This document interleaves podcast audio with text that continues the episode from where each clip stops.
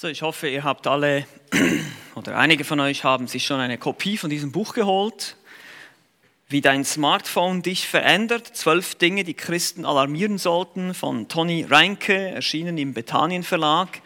Ich habe leider die Kopien nicht gefunden heute. Die sollten eigentlich im Büro sein, aber irgendwas hat da nicht geklappt. Ähm, wenn es keine mehr geben sollte, morgen auf dem Büchertisch, wenn die tatsächlich schon alle ausverkauft sind, ich weiß nicht, wer sich von euch schon eins geholt hat, wie gesagt, ich empfehle dieses Buch absolut wärmstens und nochmal wärmstens, dass ihr euch das durchlest.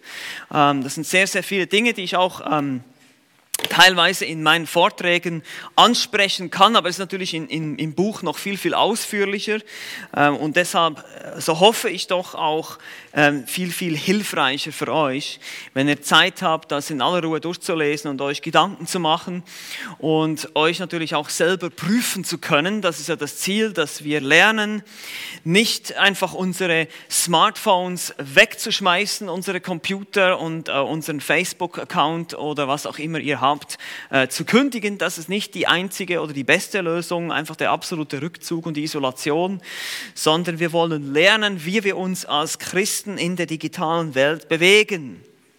Deshalb ist das Thema auch nicht irgendwie äh, ja, eure bösen Smartphones in eurer Tasche oder irgendwie sowas, sondern das Thema ist der Christen der digitalen Welt. Wir wollen lernen, wie wir vernünftig damit umgehen, wie wir auch biblische Prinzipien anwenden auf diese in dieser Welt und vor allem spezifisch natürlich im Umgang mit diesen neuartigen Technologien. Wir haben uns letztes Mal schon so ein bisschen damit beschäftigt.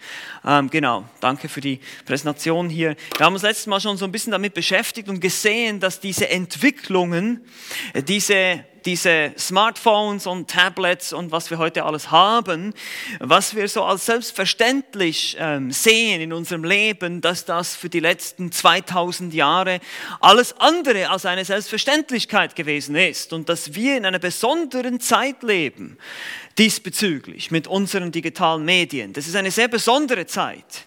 Es sind sehr, sehr große Möglichkeiten, stehen uns damit offen. Äh, Möglichkeiten zur Evangelisation, Möglichkeiten zum Beispiel Blogs zu lesen oder zu schreiben und so weiter. Es ist nicht alles negativ, aber mit großen Möglichkeiten kommen eben auch noch große Gefahren.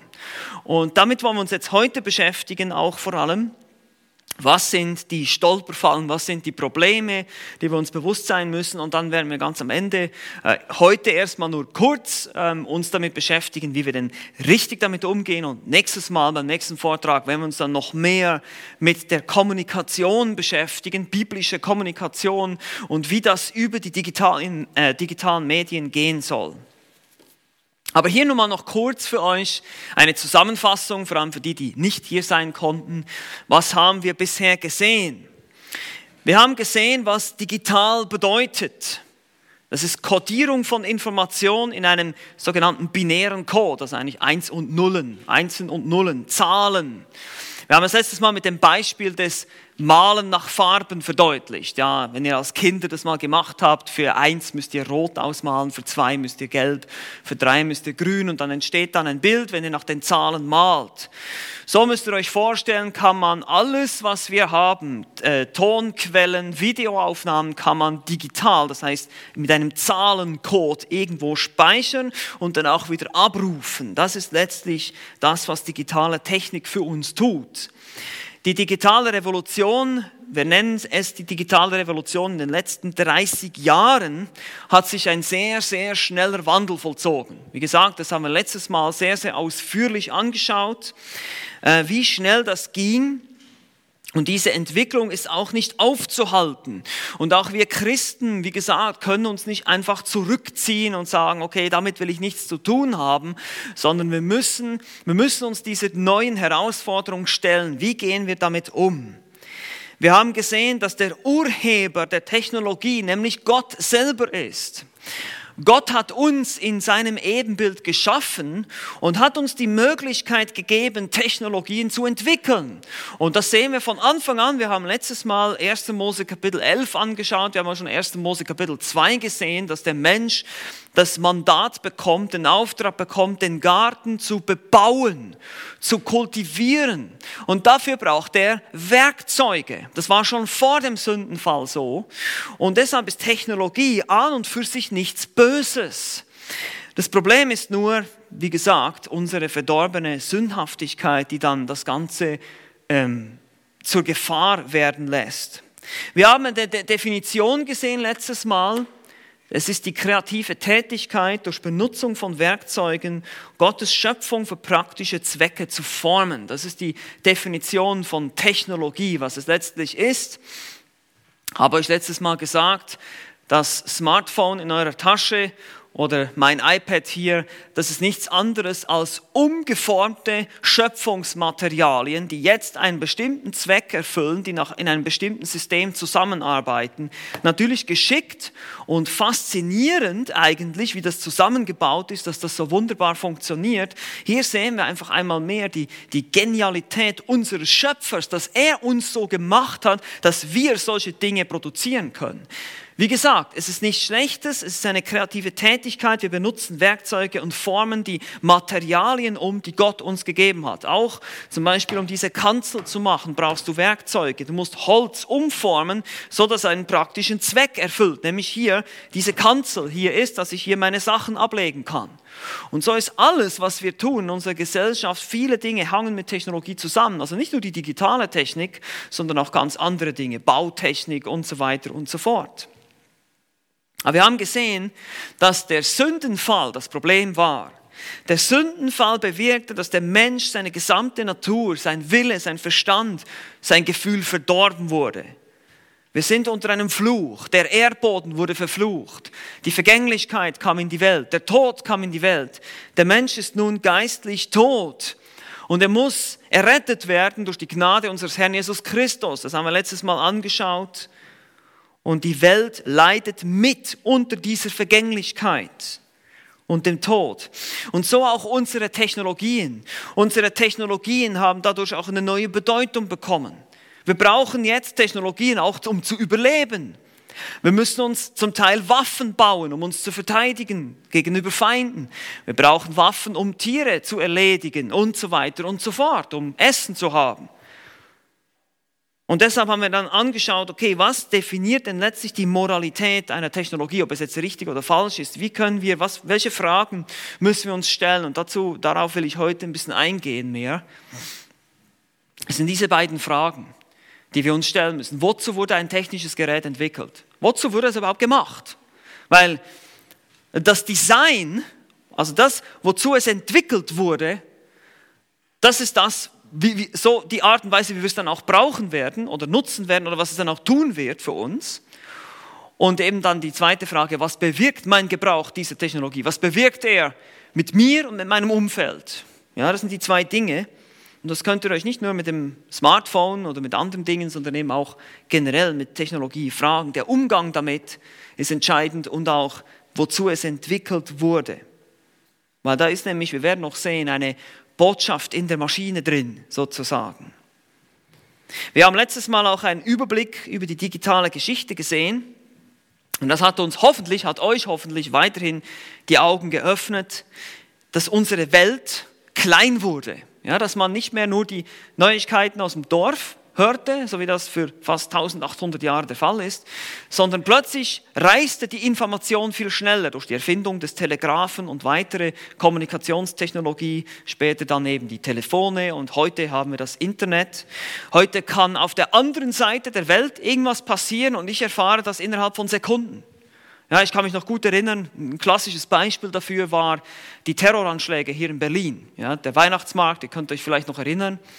Und ich habe diese Neuigkeit erfahren von einem amerikanischen Freund drüben in Los Angeles, der mir über Facebook eine Message geschrieben hat und gesagt hat, wie, wie sieht es bei euch aus mit den Terroranschlägen? Was ist da passiert? Geht es euch gut?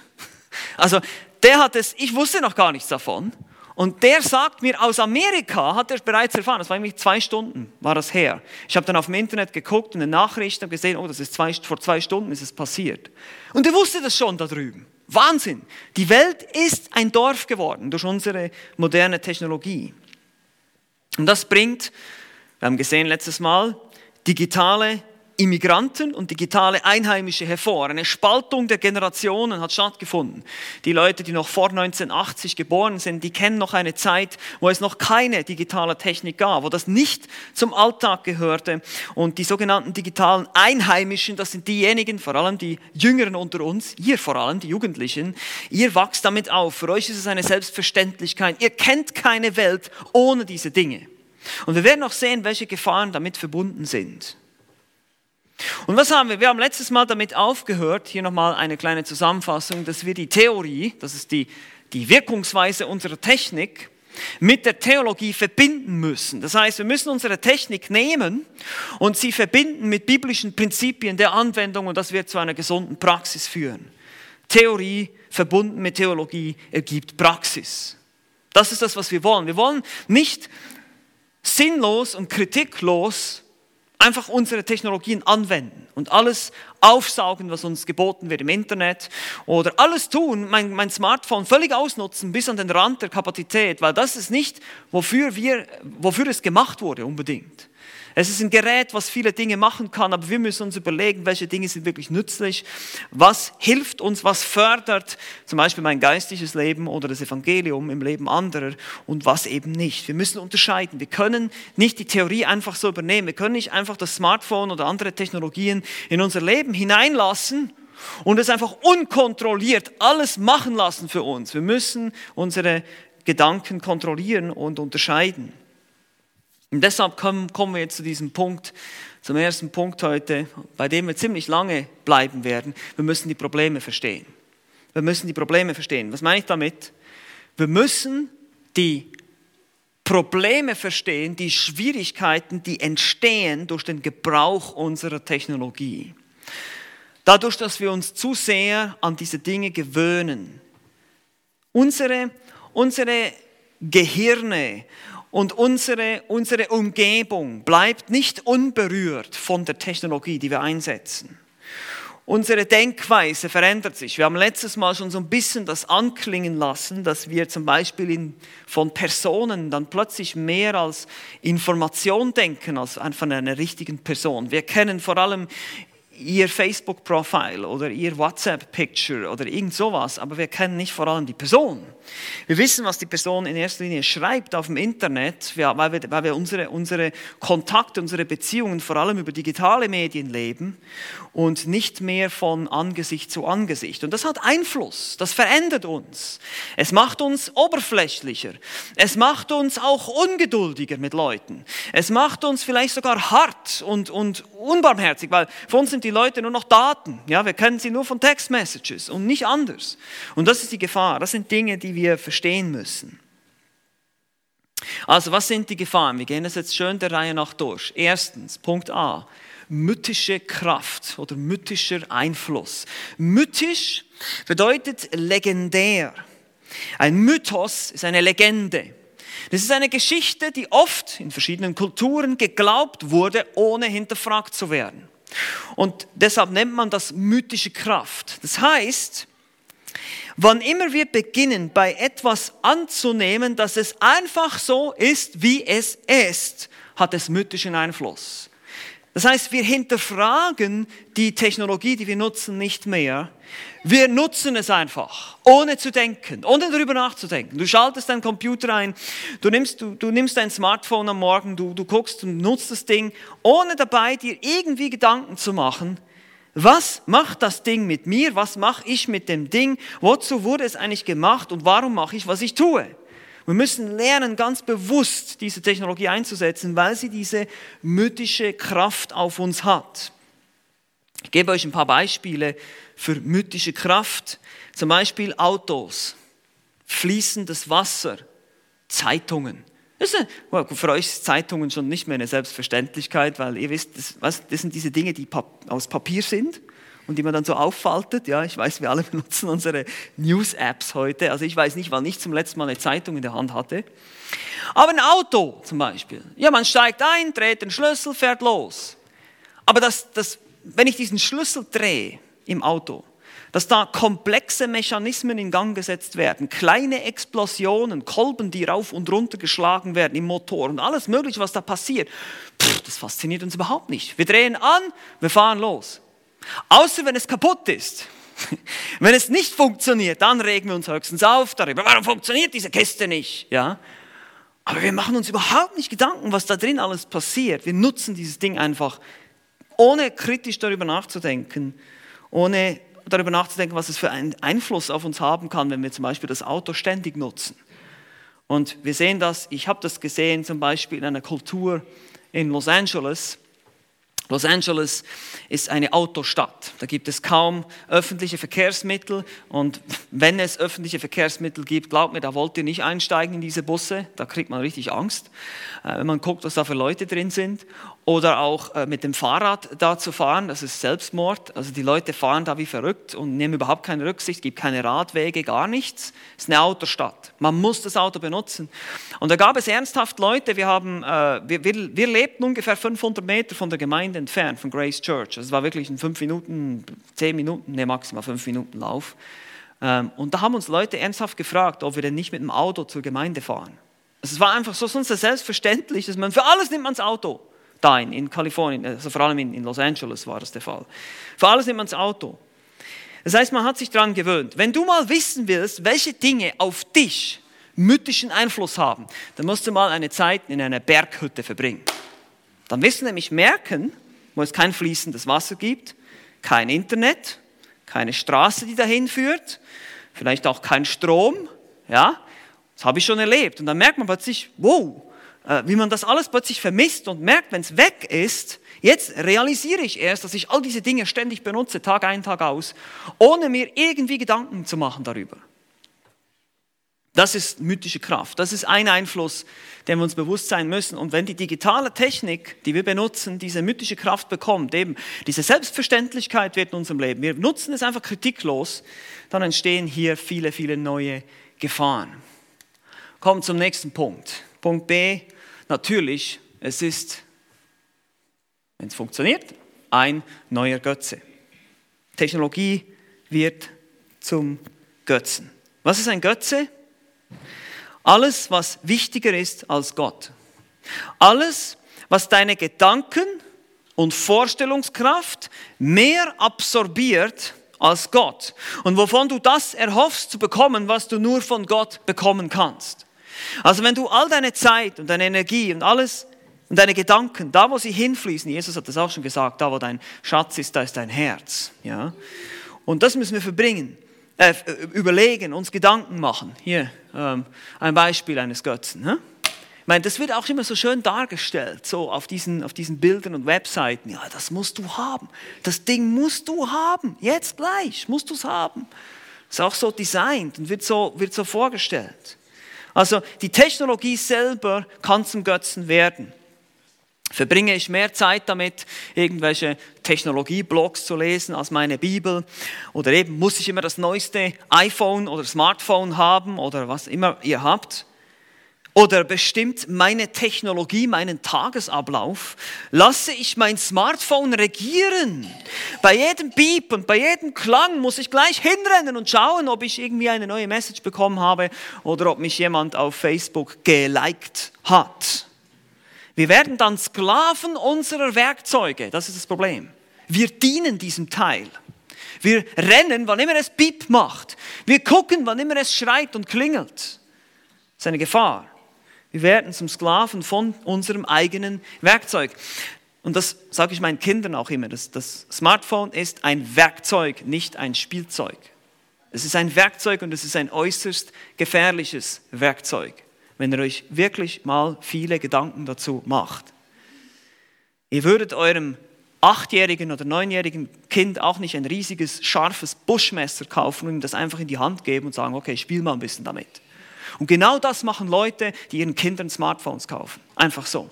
Ich gebe ihm einfach so, ein, so, eine Waffe in die Hand. Und dieses Buschmesser ist an und für sich nichts Böses. Man kann das für viele nützliche Dinge einsetzen, aber es sollte nicht in die Hände von Kindern geraten. Und genauso ist es heute leider schon so, dass diese Smartphones bereits in den Händen von kleinen Kindern landen und die können überhaupt nicht damit umgehen.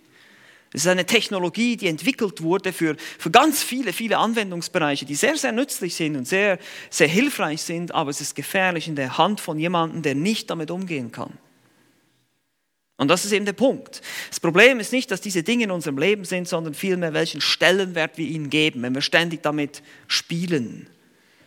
Oder eben, wenn du eine Message bekommst, wenn du zum Beispiel mit jemandem im Gespräch bist, ja, und eine Message bekommst, unterbrichst du das Gespräch und guckst, was du, was du gerade bekommen hast, legst du das Telefon hier auf den Tisch und guckst jedes Mal hin, wenn du eine Message kriegst?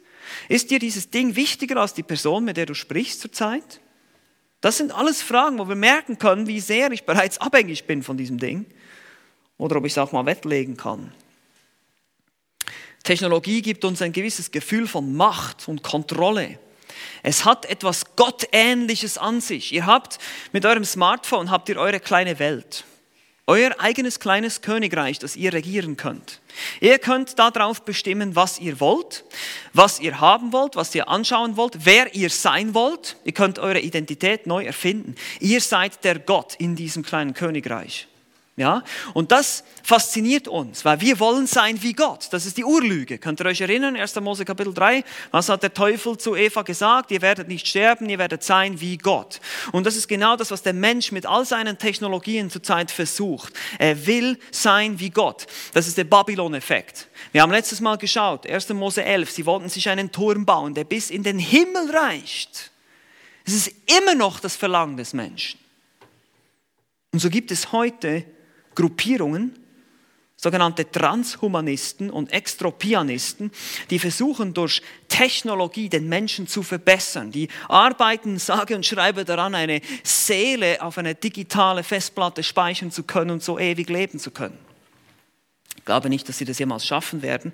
Aber man kann sehen, wo das Denken hingeht und wie der Mensch das Gefühl hat, diese menschliche, diese Technologien werden ihn verbessern und werden ihn letztlich Gott ähnlicher machen. Das ist sozusagen der nächste Schritt der Evolution, den wir jetzt gehen. Wir werden zu technoiden Menschen. Ja, unsere Technologie, wir tragen Brillen, wir tragen Uhren und das wird immer mehr auch an unserem Körper sein. Und irgendwann mal kommt der Moment, wo sie, wo sie versuchen, eben uns auch Arme und Beine, was auch ist, elektronisch zu ersetzen, damit wir nicht mehr sterben, damit wir ewig leben können. Die Frage ist nur, was passiert, wenn der Akku leer ist. Ja, also Ihr seht schon, wo das hinführen könnte, wie die Menschen die Technologie nehmen, wie alles andere auch, und sie missbrauchen und gegenüber, und vor allem missbrauchen sie sie, um gegen Gott zu rebellieren. Und das musst du dir einfach bewusst sein. Die Technologien, die wir nutzen, die wurden, die meisten von ihnen wurden entwickelt, um auch gegen Gott zu rebellieren. Und diese Technologie wird es auch mit uns tun wollen. Und deshalb müssen wir vorsichtig sein. Und jetzt geht es weiter. Es sind nicht nur der, der neue Götze hier, die Technologie selber. Also das neueste Smartphone kann ein Götze sein. Aber es gibt auch eine Förderung und Verstärkung anderer Götzen. Ja, das, das Telefon oder die, die Kommunikationsmedien, auch der Computer, der Laptop, was immer, ist wie ein verlängerter Arm. Hier liegt wahrscheinlich die größere Schwierigkeit. Ich meine, nicht alle von uns sind so technologievernarrt, dass jetzt ein neues Telefon unbedingt eine Anfechtung wäre für dich. Aber vielleicht sind es die Dinge, die du in diesem Telefon drin hast oder auf diesem Bildschirm anguckst. Es ist sozusagen der Götze im System. Der Mensch hat noch viel mehr Dinge im Leben zum Götzen gemacht, die an und für sich gut sind. Zum Beispiel Essen oder Sexualität oder solche Dinge. Sexualität wird zu Lust und Leidenschaft. Unterhaltung und Bequemlichkeit wird zu Konsumverhalten. Unterhaltung letztlich ist nichts Negatives, aber es kann zum Konsumverhalten werden. man sucht dann sozusagen die Befriedigung da drin und zur Zeitverschwendung.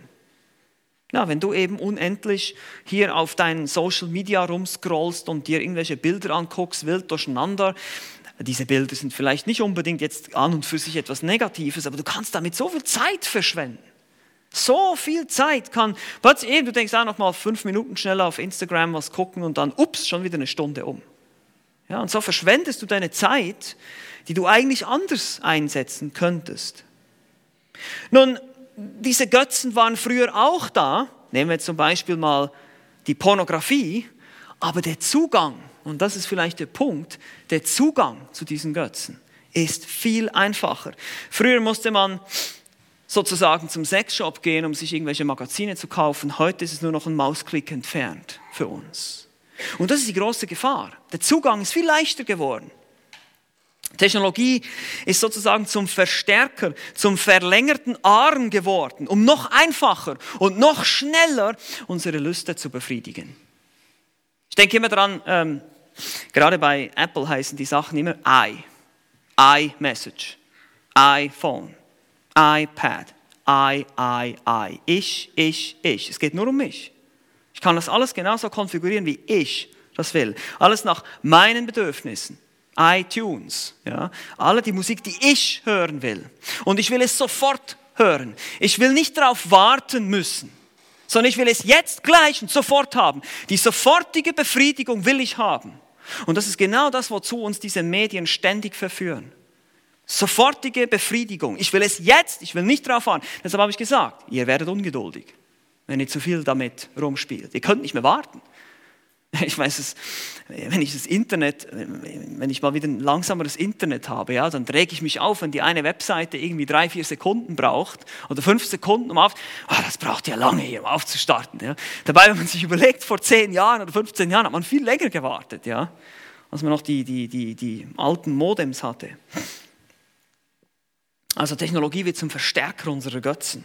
Neugier, Unterhaltung, Lust ist alles nur noch einen Display-Touch entfernt. Und durch die Smartphones werden diese Sachen sogar tragbar. Wir können sie in der Hosentasche rumtragen, unsere kleinen Götzen, unsere kleinen Befriedigungen. Können wir mit uns nehmen. Und das ist die, das ist die Gefahr hier. Man kann sich vor allem mit dem kleinen handlichen Smartphone in ein Kämmerchen zurückziehen und da seinen geheimen Lüsten frönen. Eben, ich meine, ich habe dieses Beispiel auch gehört von jemandem, der das gesagt hat. Ihr würdet eurem achtjährigen, neunjährigen, zehnjährigen Sohn Ihr würdet ihn auch nicht ähm, in ein Zimmer sperren und da ein, einen ganzen Stapel äh, pornografische Hefte hinstellen und sagen, okay, geh da mal ein bisschen spielen. Aber guckt ihn nicht an. Und dann lasst ihr einfach da allein. Und genau das hat er gesagt, mach mal mit einem Smartphone. Man lässt ihn einfach allein darum spielen. Keiner beobachtet ihn, keiner hilft ihm damit umzugehen. Er kann einfach machen, was er will. Gut, das ist die Verstärkung, Förderung, Verstärkung von Götzen. Jetzt geht es weiter. Das Medium ist die Botschaft. Jetzt geht es ein bisschen tiefer rein hier. Was ist ein Medium? Wir reden ja immer von Medien. Das sind Medien alles. Ein Medium ist ein Mittler, okay? Jemand, der sozusagen zwischen zwei Parteien vermittelt. Und Kommunikationsmedien vermitteln zwischen zum Beispiel mir und dir. Wenn ich dir eine Textmessage schicke, dann befördert das Medium von mir zu dir diese Information. Und das Medium selbst besitzt oft auch eine Botschaft aufgrund seines Designs.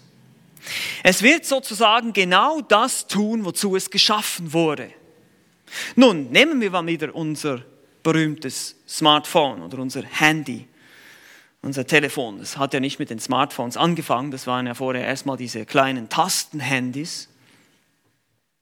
Wozu wurden die entwickelt? Was war der Grund? Sie wurden entwickelt, um Geschäftsleute überall und zu jeder Zeit, auch außerhalb der Arbeitszeit, erreichbar zu machen. Dass man jetzt nicht warten muss bis morgen, bis er um sieben oder um acht wieder im Büro ist, sondern ich kann jetzt heute Abend um elf noch schnell anrufen und sagen, hey, mach mir mal das, das und jenes und dieses. Die Menschen sollen abrufbar sein, sofort abrufbar. Und dieses Handy wurde entwickelt, um Menschen zu unterbrechen in ihrem Tagesablauf. Wann immer es der Chef gerade will, kann er seinen Angestellten unterbrechen und sagen, mach mal erstmal das und dann das. Und genau das wird es tun. Es wird dich unterbrechen in deinem Tagesablauf. Jede Technologie, wie gesagt, hat ein bestimmtes Denken, eine bestimmte Ideologie in sich eingebettet. Ist nicht neutral. Weil die Leute, die es entwickelt haben, die haben sich was dabei gedacht. Die wollten was damit erreichen. Ein bestimmtes Denken im Design, eben ein, man sagt ja manchmal auch der Geist in der Maschine. Ja, es ist irgendwas drin und es tut etwas. Und wir dürfen nicht denken, dass diese Technologie, wenn wir sie in unser Leben lassen, keinen Einfluss haben wird. Es ist einfach nur so eine zusätzliche nette Sache, die ich jetzt hier habe, die so, zu, also an, so angesetzt wird an mein Leben. Nein. Diese Technologie wird total in mein Leben eindringen. Es ist absolut eindringlich und wird alles beeinflussen in meinem Tagesablauf, sogar in meinem Herzen, in meinem Denken. Zwei Dinge müssen wir verstehen. Zwei Dinge. Technologie ist ökologisch und biologisch. Ich habe euch das hier, ähm, also ihr euch das abschreiben könnt. Das erste ist, Technologie ist ökologisch. Das heißt, sie verändert die Umgebung. Das hat mit der Umgebung zu tun, ökologisch. Zum Beispiel, wenn man in einem bestimmten Gebiet Tiere ansiedelt, kann das ganze ökologische System aus dem Gleichgewicht geraten. Es gibt nämlich plötzlich zu viele von einer Art. Oder man rottet in einem Gebiet bestimmte Tiere aus, zum Beispiel Wölfe, und dann gibt es plötzlich zu viele Rehe, weil diese Rehe haben keinen natürlichen Feind mehr. Und das hat wiederum einen Einfluss auf den Grasbestand. Jetzt denkst du, was hat das jetzt mit Technologie zu tun? Nun, genauso ist es mit der Technologie. Wenn wir die Technologie in unser Leben integrieren, wird es unsere, unserer Umgebung nicht einfach hinzugefügt, so wie so ein Anhängsel, sondern es verändert unsere Umgebung in bedeutender Art und Weise. Es beeinflusst die Art und Weise, wie wir denken und leben. Es verändert unsere Beziehungen, es verändert Kräfteverhältnisse. Ich gebe euch ein Beispiel, dann kann man sich das besser vorstellen. Zum Beispiel die, die Erfindung des Buchdrucks. Ja? Die Erfindung des Buchdrucks, als man angefangen hat, Buch, Bücher zu drucken und eigentlich wirklich erstmal, dass erstmal diese Form haben hier, veränderte die mittelalterliche Welt und brachte den Durchbruch der Reformation. Könnt ihr euch alle erinnern, wir haben über Martin Luther schon oft gesprochen. Ein Grund, warum die Reformation sich durchsetzte, war das Medium des, also das Medium, die Bücher, der Buchdruck, die Technologie des Buchdrucks. Plötzlich konnten seine Schriften vervielfältigt werden und an die Menschen verteilt werden. Das war vorher nicht möglich. Vorher musste man alles von Hand abschreiben. Es veränderte Kräfte, Verhältnisse. Jeder konnte nun plötzlich die Bibel lesen. Natürlich gab es auch noch Bildung für jeden und solche Sachen. Aber dadurch, dass die Leute das alles in die Hand bekommen haben, hat es die Gesellschaft völlig verändert.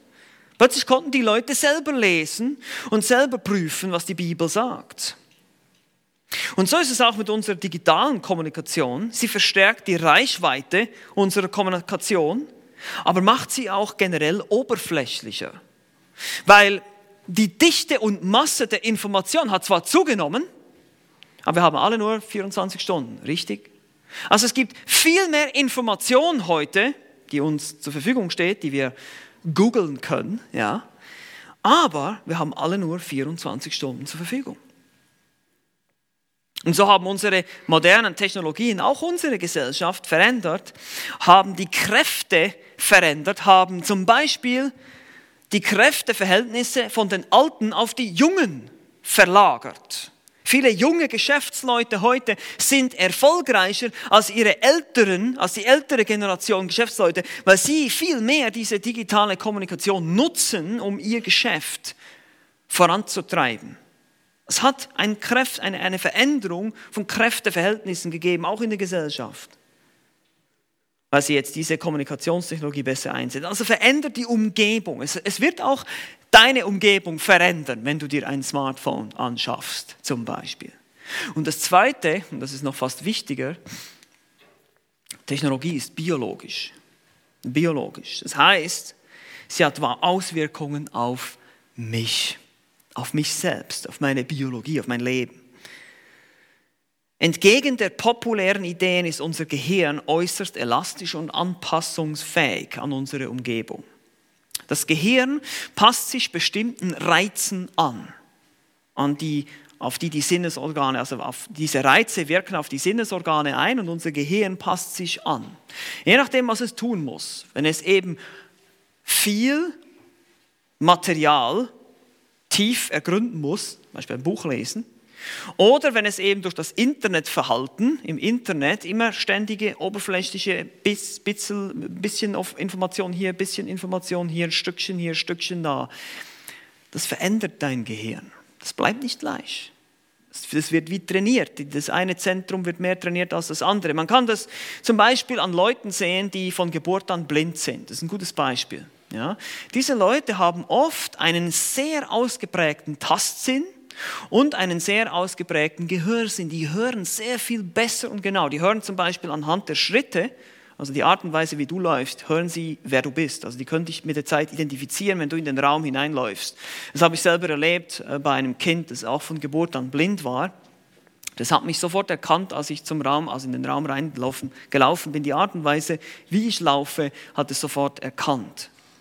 Und tatsächlich hat man festgestellt, dass im Gehirn dann eben diese Zentren viel größer und besser ausgebildet sind, zum Beispiel das Hörzentrum und das Sehzentrum dementsprechend völlig verkümmert, weil er das nie braucht, weil er blind ist, logischerweise.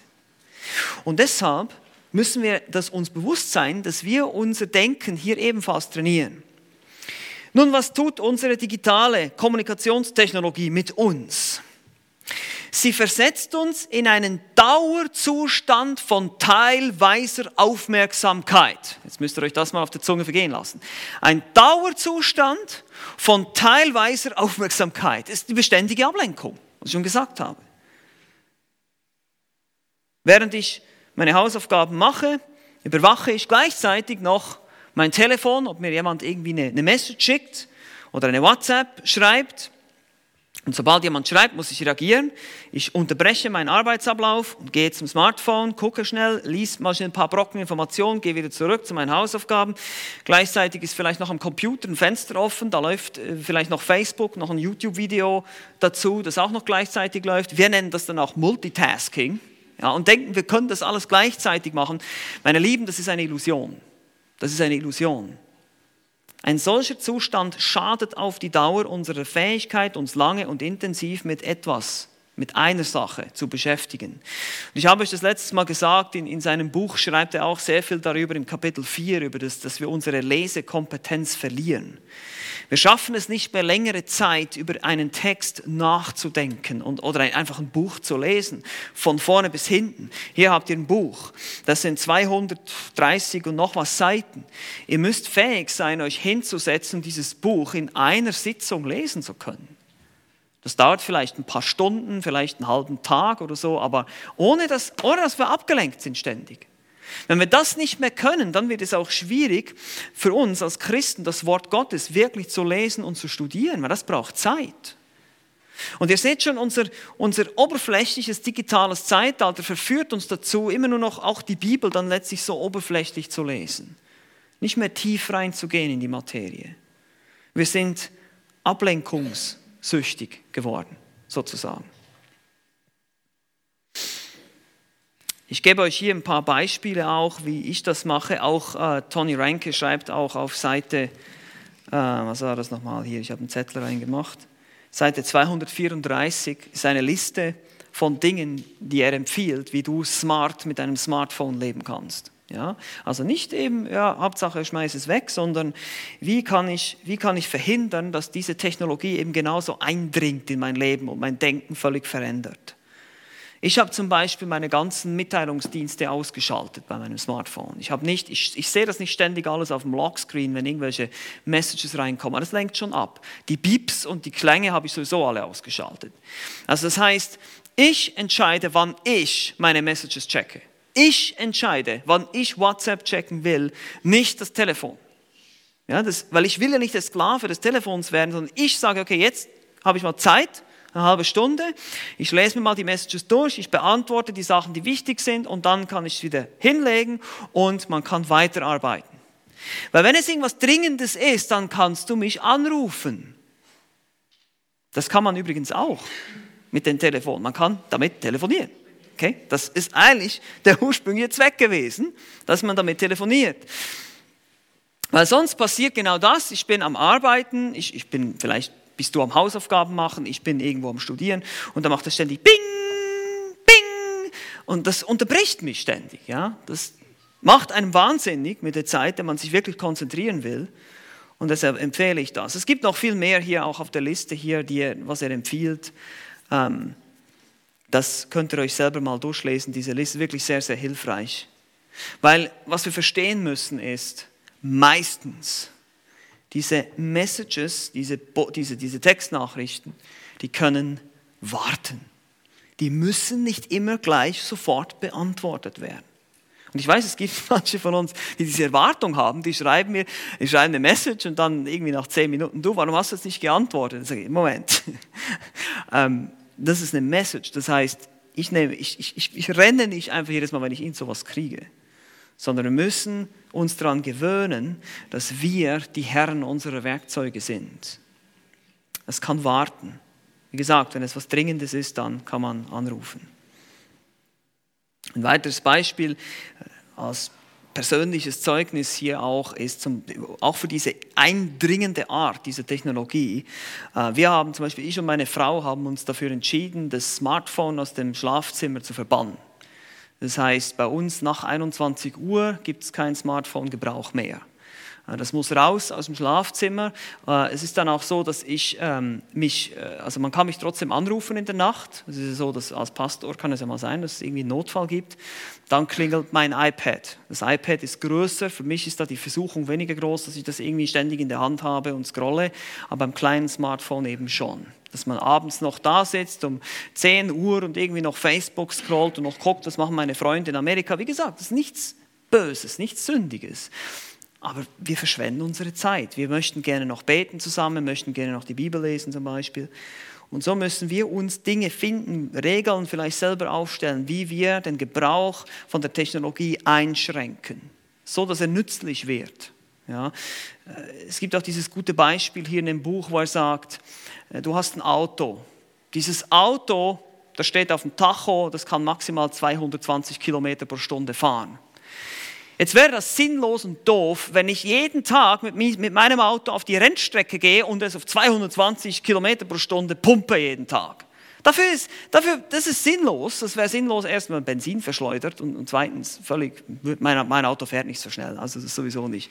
Ähm, nein, es ist dafür gedacht, meine Familie sicher von einem Ort zum anderen transportieren, das meistens mit 50 Kilometern pro Stunde oder 60, je nachdem.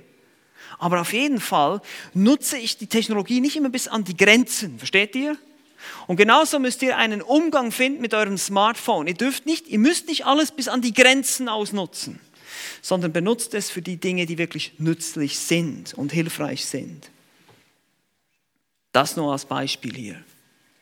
Also, wir fassen hier mal kurz zusammen, einfach, dass wir einen Zwischenstand haben, dann gehen wir noch ein bisschen weiter. Erstens, unsere intellektuellen Technologien und Entwicklungen bringen immer Risiken und Nebenwirkungen mit sich.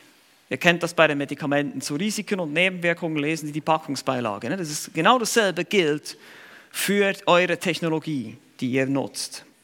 Zweitens, was wir gesehen haben, das Medium ist die Botschaft. Eingebettet in jede Form der Technologie finden wir eine Uridee, eine Urbotschaft, wozu es letztlich entwickelt wurde. Und Drittens, Technologie ist nicht additiv, das heißt, es ist nicht eine Zufügung, nur eine bloße Hinzufügung, sondern sie ist eben ökologisch und biologisch in ihrer Wirkung. Sie verändert unsere Umgebung, sie verändert mein Leben, mein Denken. Sie verändert eben Kraftverhältnisse, sie verändert Denkweisen und so weiter und so weiter. Das müssen wir uns bewusst sein und vielleicht auch mal uns hinsetzen und überlegen, wo hat diese Technologie bereits schon so viel von meinem Leben eingenommen, dass ich schon ganz komplett anders Denkweise, eine andere Denkweise habe. Weitere Gefahren, die wir uns nicht bewusst sind. Ich gehe noch ein bisschen weiter hier, ist noch nicht fertig. Rasante Entwicklungen. Wir haben uns das letzte Mal kurz angeschaut, deshalb werde ich hier noch ganz kurz nochmal wiederholen. Es gehört einfach dazu, dass wir uns das nicht bewusst sind, dass es eben 1800 Jahre lang das schnellste Transportmittel von Informationen war, das Pferd. Also das heißt, die Informationen konnten 1800 nicht schneller transportiert werden als zur Zeit Jesu und den Römern. Es ist immer gleich gewesen. Information ging nie schneller bis im Jahre 1800 und dann fing das an mit der Erfindung der Dampfmaschine und dann eben auch dem Telegraphen, das haben wir letztes Mal angeschaut. Und wir sind dadurch auch und dann vor allem mit der Entwicklung der Bildmedien im 20. Jahrhundert von einer wortorientierten zu einer bildorientierten Gesellschaft geworden. Es kam zur Trennung der Gesellschaft, wir haben das angeschaut, die digitalen Einheimischen und die digitalen Immigranten, die noch sozusagen eine Übergangsphase erlebt haben. Und dadurch hinterfragen wir weniger. Wir nehmen Dinge unkritisch auf, ohne über die Nebenwirkungen auch nur nachzudenken. Und das ist das Problem von, vor allem von den jungen Leuten heute. Ja, man denkt nicht über die Nebenwirkungen nach. Ach, lass uns das einfach reinziehen. Es macht ja Spaß, es ist cool. Man überlegt sich überhaupt nicht, was es für Langzeitwirkungen haben könnte. Nur so nebenbei gemerkt, die, die Nutzung von diesen Smartphones ist nicht lange genug getestet worden, dass man weiß, welche Langzeitschäden dadurch entstehen können. Die gibt es ja noch nicht so lange. Das, wir wissen es nicht. Wir wissen nicht, was es heißt, wenn man 50 Jahre lang so ein Ding nutzt, ob das nicht irgendwelche Auswirkungen hat plötzlich auf mich. Sei das wegen der Strahlung oder wegen elektromagnetischen Feldern oder was weiß ich auch immer. Dinge, die man jetzt einfach nicht wissen kann. Vor, ich weiß nicht, wie vielen Jahren das war, man hat 60, 70 Jahren wahrscheinlich, äh, ein bisschen weniger vielleicht, hat man auf, auf, der, also auf dem Bau, im Baugewerbe, hat man das Material Asbest verwendet bis man einmal herausgefunden hat, dass es höchst giftig ist und krebserregend ist. Und so gibt es Leute, die mein Schwiegervater, der hat äh, mit Asbest gearbeitet, noch in seiner Jugendzeit, und ist dann deswegen ähm, mit über 60 Jahren an Krebs erkrankt und gestorben. Also das war eine Langzeitwirkung. Das hat nicht sofort Wirkung gezeigt, sondern das hat man erst nach 40 Jahren, 50 Jahren festgestellt. Und so wissen wir das nicht. Wir wissen es nicht. Und das umso mehr sollte uns vielleicht vorsichtiger machen, wie wir diese Technologien nutzen. Auch für eure Augen, wenn ihr ständig in diese kleinen Displays reinguckt, hat man schon festgestellt, macht viele Kinder kurzsichtig, brauchen alle Brillen. In Zukunft, wenn wir keine Piloten mehr haben, weil alle Brillenträger sind. Ja? Stellt euch das mal vor. Also wir wissen nicht, wir haben nicht genug Erfahrung damit, diese Technologien existieren nicht lange genug, für das man herausfinden könnte, welche Langzeitschäden können entstehen, wie kann man die verhindern. Das sind die rasanten Entwicklungen. Es geht einfach viel zu schnell. Weiter, wir haben den Götzen der Kommunikation. In der digitalen Welt dominiert die Kommunikation. Kommunikation kann aber zum Götzen werden. Wenn wir nur noch kommunizieren um der Kommunikationswelt. Es geht nur noch darum, dass wir Hauptsache irgendwie miteinander plappern. Digitales Geschwätz. Aber die Frage ist, und das müssen wir uns immer wieder überlegen. Jesus hat gesagt, wir werden für jedes unnütze Wort Rechenschaft abgeben, nicht wahr? Also, wie nutzen wir diese digitalen Worte? Ist es digitales Geschwätz, sinnlos, inhaltslos? Oder ist es wirklich erbauend und hilfreich? Es wird zum Götzen, wenn es eben mehr Zeit und Energie und Geld vielleicht auch verschluckt. Wir leben nur noch für das Kommunizieren, aber wir kümmern uns gar nicht mehr darum, was wir eigentlich kommunizieren und ob das wirklich sinnvoll ist. Eben, wenn du vielleicht morgens als erstes, wenn du dein Smartphone in deinem Bett hast, das würde ich dir überhaupt nicht empfehlen, das zu machen, wirklich nicht. Das Erste, was du machst, du greifst nach dem Smartphone und checkst deine Nachrichten, anstatt deine Bibel zu lesen und anstatt mal das, äh, das Gebet, also den Herrn im Gebet zu suchen. Dann gibt es weiter den Götzen der Produktivität. Wir fühlen uns irgendwie produktiv. Wir wollen beständig kommunizieren und dabei sind wir sehr oberflächlich und letztlich zerstreut und unproduktiv. Ja, das ist so viel Information und äh, wo ist da noch der Nutzen, müssen wir uns fragen. Diese Medien haben eine gewisse Streuwirkung an sich. Ja, wenn ich zum Beispiel jetzt ähm, eine bestimmte Information haben will und ich, ich gehe in diesen Chat rein, in diese Gruppe, dann muss ich mich erstmal durch sieben, acht, neun Kommentare, juhu, wie, wow, was weiß ich, bis ich die Information finde, die ich eigentlich wollte, wissen wollte. Und das ist Streuwirkung. Das ist eigentlich ineffizient, diese Form der Kommunikation. Jeder muss da noch sein Smiley reinsetzen und so. Und dann muss ich mich da erstmal durch diese verschiedenen Smileys alle durch, äh, durchscrollen, bis ich die eigentliche Information. Ja, was hat er denn jetzt eigentlich? Worum ging es denn jetzt eigentlich? Ja, ich komme auch, ich auch, ich auch, ich auch, ich auch, ich auch. Okay, aber was denn? Ja, versteht ihr? Das ist eigentlich nicht sehr effizient, wenn man, wenn man sich das überlegt. Ja, und deshalb auch hier müssen wir vorsichtig sein, wie wir damit umgehen, wie wir kommunizieren. Ist es wirklich nötig? Man kann zum Beispiel sagen, ähm, wer kann alles nicht kommen? Und bitte nur die sollen sich melden und die anderen, die kommen einfach. Anstatt dass jeder sagt, ich komme, ich komme nicht, ich komme nicht, weil ich krank bin, ich komme nicht, weil ich das und das habe, ich komme, ich komme, ich komme, ich komme. Versteht ihr, was ich meine? Das ist einfach das ist eine riesen Schlange dann an Informationen, die völlig unnötig sind. Für denjenigen, der die effektiv die wichtige Information haben möchte. Also die, die Produktivität ist, ist relativ. Wir müssen aufpassen. Wir sind nicht immer produktiv, wenn wir diese Medien nutzen. Es können auch sehr unproduktiv sein. Wir haben den Götzen der Bedeutsamkeit. Das ist, das ist ein ganz wichtiger Punkt und den schreibt, ähm, beschreibt Reinke auch sehr gut in seinem Buch hier auf Seite 123. Ich möchte euch diese, diesen Abschnitt einfach kurz vorlesen. Das Kapitel heißt, wir werden, was wir liken. Okay? Wir werden, was wir liken. Ich lese euch nur mal diesen kurzen Abschnitt vor hier. Die Worte und Bilder, die wir auf unseren Handys teilen, beeinflussen andere, wie wir im letzten Kapitel gesehen haben. Doch die Worte und Bilder, die wir konsumieren, verändern uns. Kennst du den griechischen Mythos des Narzis? Er war ein attraktiver Typ, doch er war auch arrogant und unfähig, Liebe zu empfangen oder jemandem Liebe zu schenken.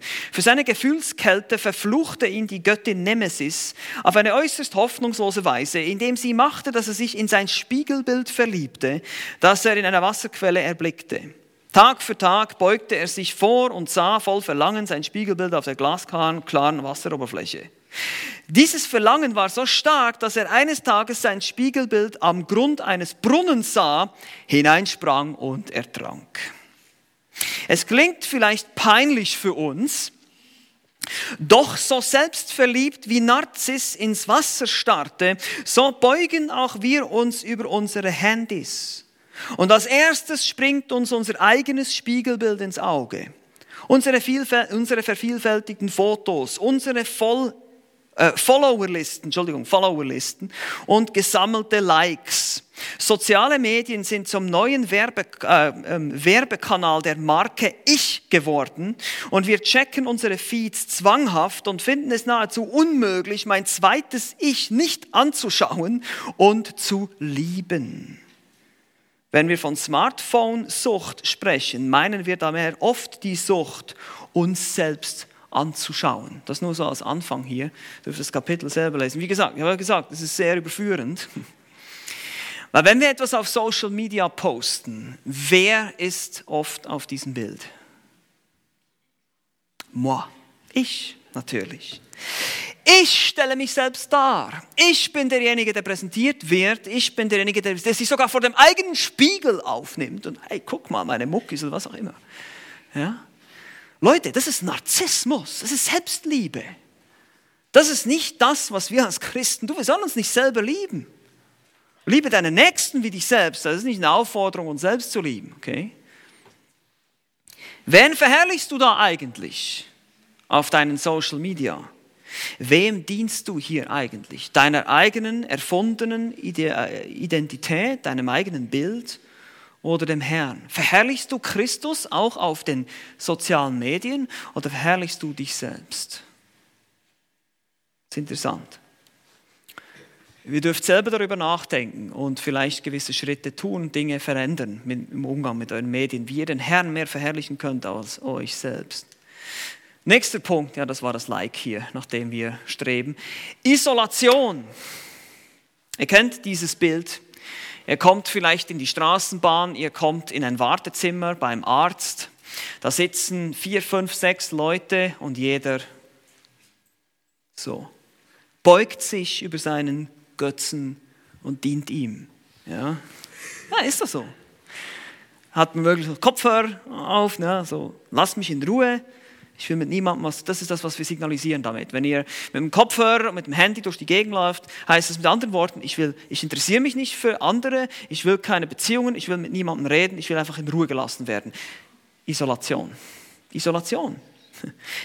Das ist das, das ist das Paradoxe an diesen ganzen Medien. Wir, wir kommunizieren so viel, das heißen soziale Medien, aber wir werden völlig asozial, wir werden total isoliert von wahren Beziehungen. Das ist das Paradox an der ganzen Geschichte. Wir gewöhnen uns einander nur noch Textmessages zu schicken, vielleicht sogar, wenn wir im selben Raum sitzen. Und die Qualität, wie wir miteinander kommunizieren, nimmt ab. Wir isolieren uns. Meine Lieben, das ist ganz, ganz wichtig. Die Kommunikation von Angesicht zu Angesicht ist immer noch die am die, die die höchste Qualität hat. Es gibt bestimmte Dinge, die werde ich nie über E-Mail oder über Textmessages mit euch besprechen wollen. Ja, E-Mail und Textmessages, die sind, die sind hilfreich, um zu organisieren, wer kommt denn, wer hat Zeit, irgendwie sowas. Obwohl man da auch ziemlich lange eben so scrollen muss und so. Aber wenn es um irgendwelche seelsorgerlichen Fragen geht oder um irgendwelche Dinge, die, die schwierig sind, heikel sind, dann werdet ihr immer nur von mir die Antwort hören, lasst uns einen Termin machen, wir treffen uns. Weil die Kommunikation über diese Medien ist eher oberflächlich. Ihr seht meinen Gesichtsausdruck nicht. Ihr, ihr, hört meinen Tonfall nicht, wenn ich mit euch spreche. Jetzt könnt ihr mich sehen, ihr könnt mein Gesicht sehen, ihr könnt meinen Ausdruck sehen. Das ist die qualitativ immer noch die höchste Form der, äh, der Kommunikation. Es ist von Angesicht zu Angesicht. Es gibt diesen Vers im dritten Johannesbrief, wo Johannes genau das schreibt. Vielleicht gehen wir mal dahin kurz, einfach um euch das zu zeigen, ähm, dass die Bibel auch davon spricht. Ähm, Johannes endet diesen Brief. Äh, und auch das, der Brief ist ein Medium, ist eine antike grekoromanische Textmessage, der dritte Johannesbrief. Ne? Und er schreibt diesen Text an ähm, den Empfänger hier, der Älteste, den geliebten Gaius, Vers 1, schreibt ihn ein paar Zeilen.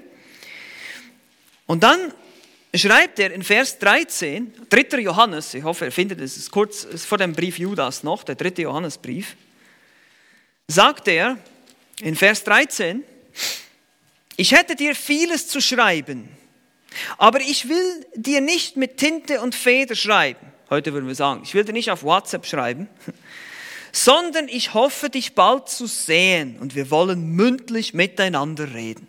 Also er hofft, ihn dann zu sehen und mit ihm von Angesicht zu Angesicht zu sprechen, weil, das besser, weil es viele Dinge gibt, die einfach qualitativ bessere äh, Kommunikation erfordern und deshalb muss von Angesicht zu Angesicht gesprochen werden.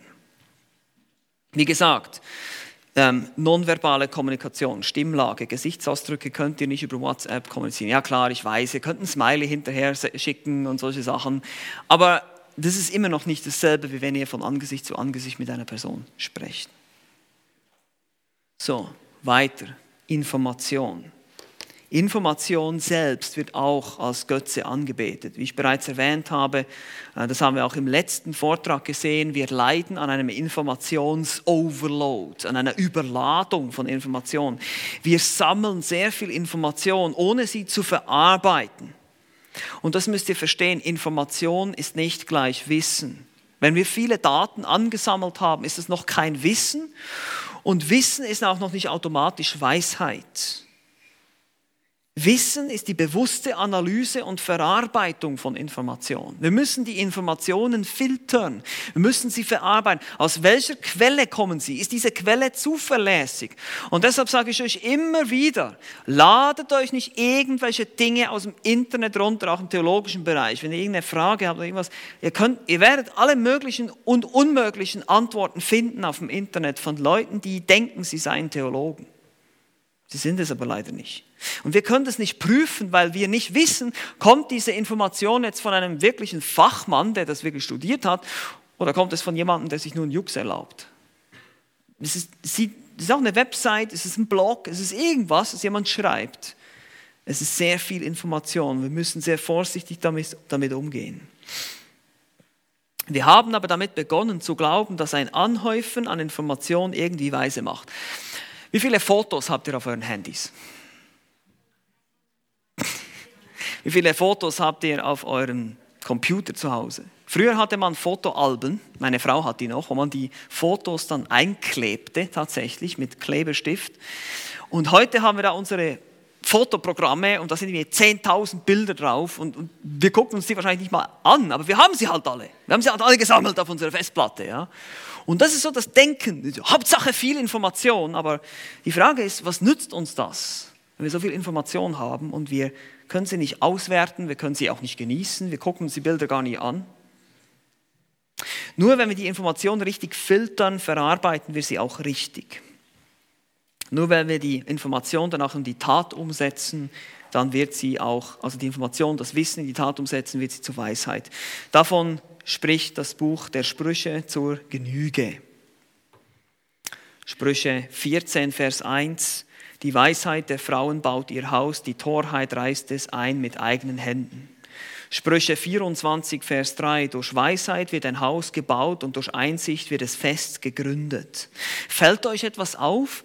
Weisheit baut das Haus. Weisheit tut etwas. Ja, das ist nur Wissen und Information, das ich im Kopf habe, sondern das wird irgendwie, bekommt diese, dieses Wissen, bekommt Hände, es wird was getan, es wird was aufgebaut.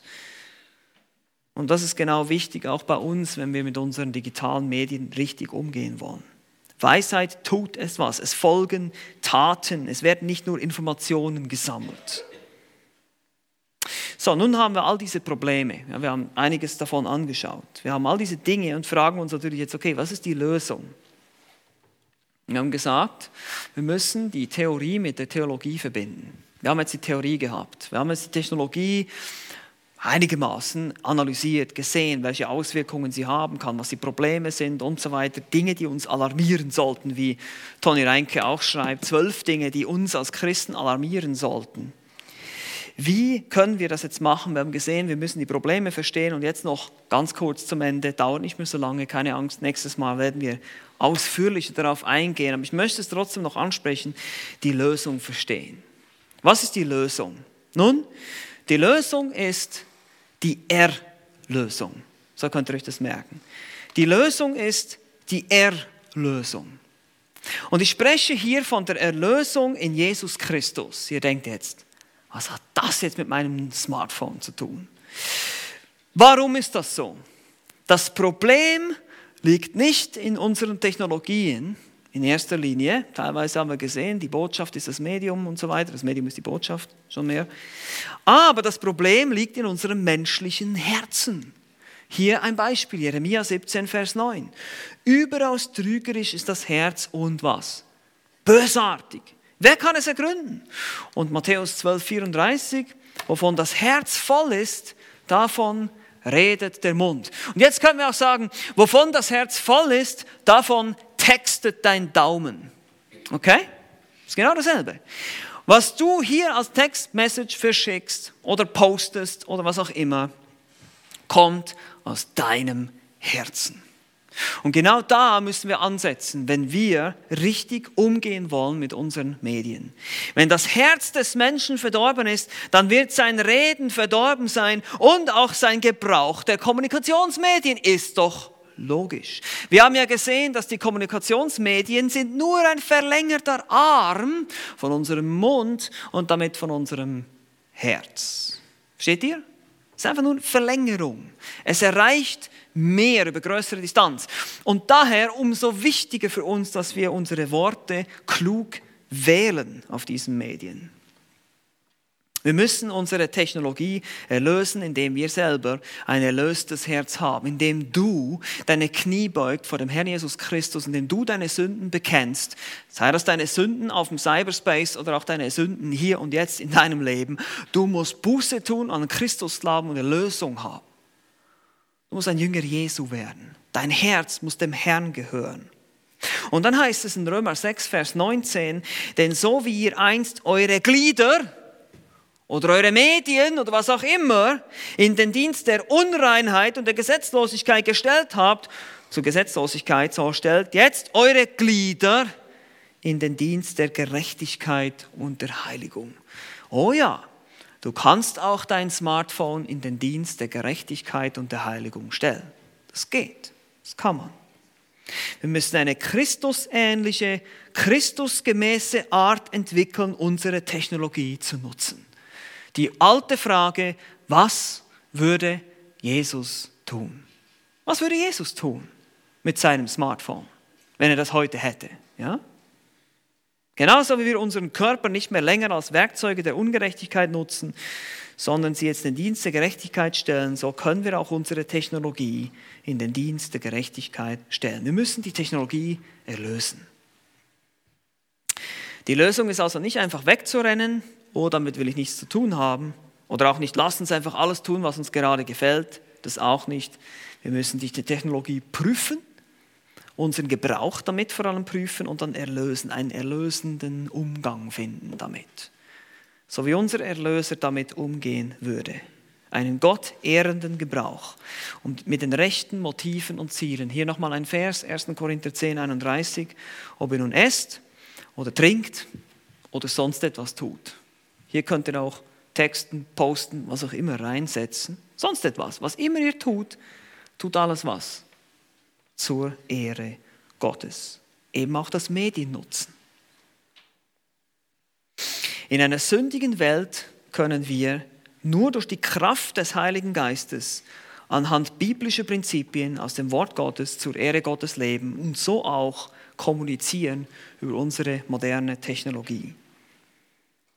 Weil diese Technologie, wie gesagt, ist nichts anderes als ein verlängerter Arm unserer Zunge, unseres Mundes. Es gelten die biblischen Prinzipien der Kommunikation für den Gebrauch dieser Technologie. Es ist Kommunikationstechnologie und es ist der verlängerte Arm von unserem Mund. Das heißt, die Bibel hat uns sehr viel zu sagen zum Thema Mund und Zunge. Richtig? Und genau da müssen wir ansetzen. Genau da können wir jetzt die Theologie mit der Theorie verbinden und eine vernünftige Praxis finden. Wie gehe ich denn damit um? Was mache ich denn jetzt damit? Und das schauen wir uns beim nächsten Mal an. Amen. Amen. Lasst uns noch gemeinsam beten.